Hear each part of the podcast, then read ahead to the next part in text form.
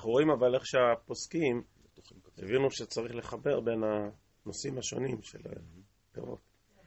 מה? לא, אבל בכל הפלפול אתה רואה שהם מחברים, זה מעניין.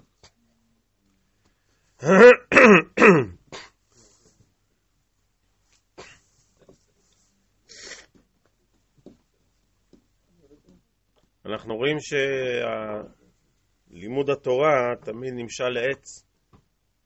גם אה, אנחנו רואים אה, מי שלומד תורה כתוב והיה כעץ שתול על פלגי מים וחיי עולם נטע בתוכנו, זה נאמר על התורה שבעל פה וגם פרשת השבוע, פרשת השבוע אחרי קריאת ים סוף עם ישראל היה ברוממות, אי אפשר לתאר ויאמינו בהשם משה עבדו ראתה שפחה על הים, מה שלא ראה יחזקאל בן בוזי, היו ב...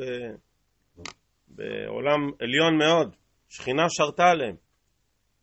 ובכל זאת, מיד אחרי שירת הים, אחרי הרוממות הענקית האדירה הזאת, הולכים שלושת ימים במדבר ולא מצאו מים.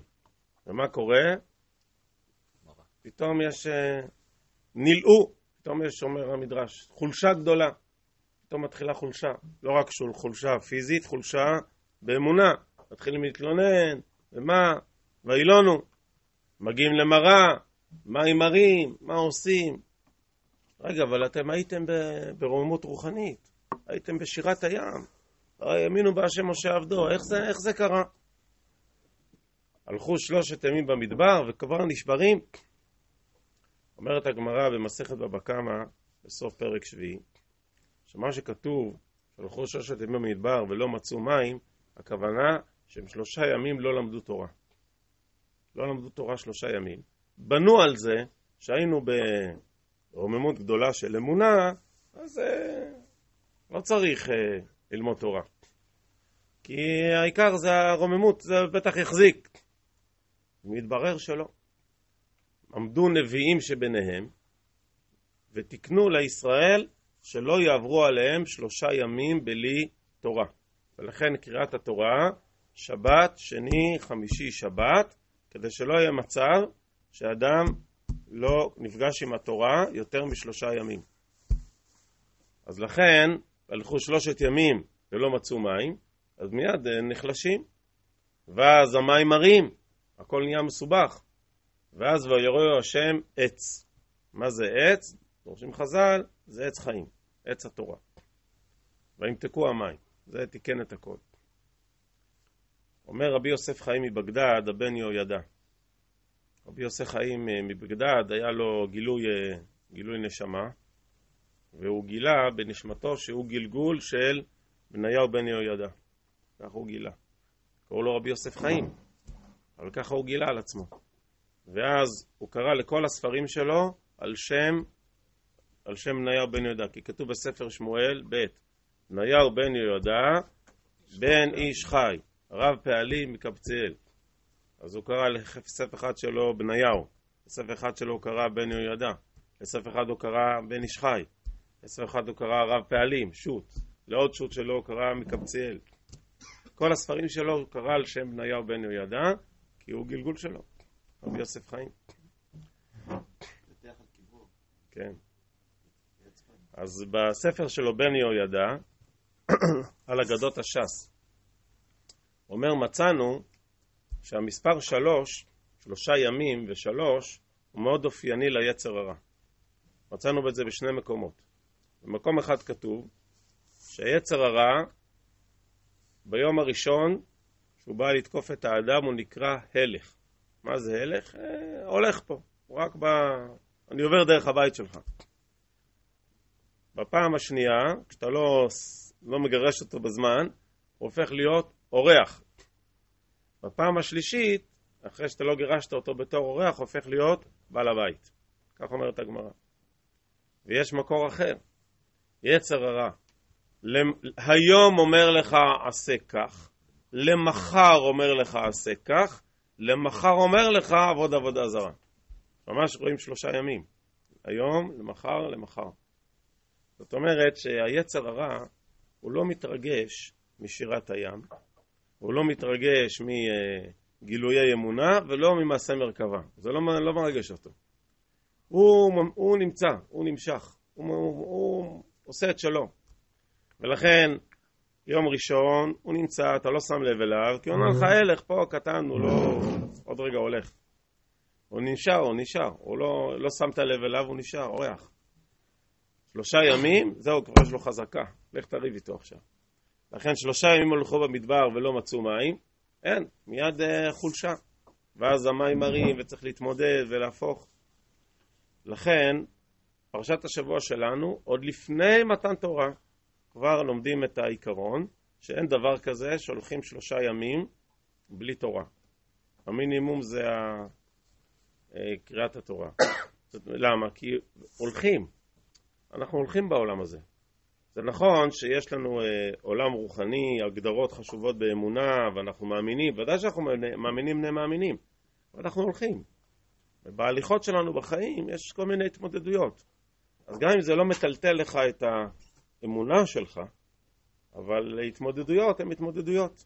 ולכן אנחנו צריכים כל הזמן לתחזק את העולם את עולם היראת שמיים, את עולם אהבת התורה, את, את הקדושה, את הטהרה, ויורהו השם עץ. צריך כל הזמן uh, לתחזק את עץ החיים, ולכן uh, uh, בתורתו יהגה יומם ולילה, והיה כעץ שתול על כפלגי מים אשר פריו ייתן בעיתו, ועליהו לא ייבול. זאת אומרת, הוא לא, הוא לא מפחד. יש לו, לא ימיש מעשות פרי, הוא כל הזמן מחזיק. זה כוחה של, ה, של ההתמדה, זה כוחה, זה כוחו של הרצף. ובמקביל באמת לדברים מרוממים, אנחנו צריכים, נתברר בפרשת שבוע, את העקביות הזאת של אחיזת, אחיזת התורה. אה, אז המינימום זה שלושה ימים, אבל אנחנו לא אוהבים להיכנס ל... ל... להיות לא בגבול. מה? גם אורחים אנחנו לא רוצים. וגם לא רוצים אורחים, אפילו לא הלך, לא לתת לו אפילו התחלה. כי ככה זה, הם מתחילים אז הם אה, נכנסים. אה, כל זה כוחו של העץ, עץ החיים. כי התורה, הכוח שלה זה שהיא עושה מהפכות. הרב קוק כותב בתחילת תורות הקודש חלק א', מה עניינה של אה, תורה, מה עניינם של דברים בקדושה, שהם יכולים להפך. כל החוכמות שבעולם, אין להם כוח מהפכני. הן מלמדות את האדם איך להשתמש בעולם, ידע, הן לא מצליחות להפוך את הנפש. תורה יש לה כוח שהיא יכולה להפוך. נותנים למשה עץ וימתקו המים. ולכן מיד בכתוב, שם שם לו חוק ומשפט. זה הכוח של התורה, שהיא יש לה כוח להפוך. יכול לאט לאט להפוך את הנפש של אדם. אדם לא שם לב, אבל לאט לאט התורה הופכת לו את הנפש. משנה לו כל מיני דברים באישיות, פה, פה. זה כוחה של קדושה, שהיא באה, כוחה של תורה שהיא באה מלפני העולם. אומר בעל התניא, זה התורה היא קדמה לעולם ולכן יש לה כוח לעשות מהפכות בעולם. כי היא לא כפופה לעולם. היא באה ממקום חירותי, ממקום חופשי, היא באה מלפני העולם ולכן בכוחה, אה, בכוח התורה, בכוח ההתמדה של התורה, לחולל מהפכות במקומות הכי קשים.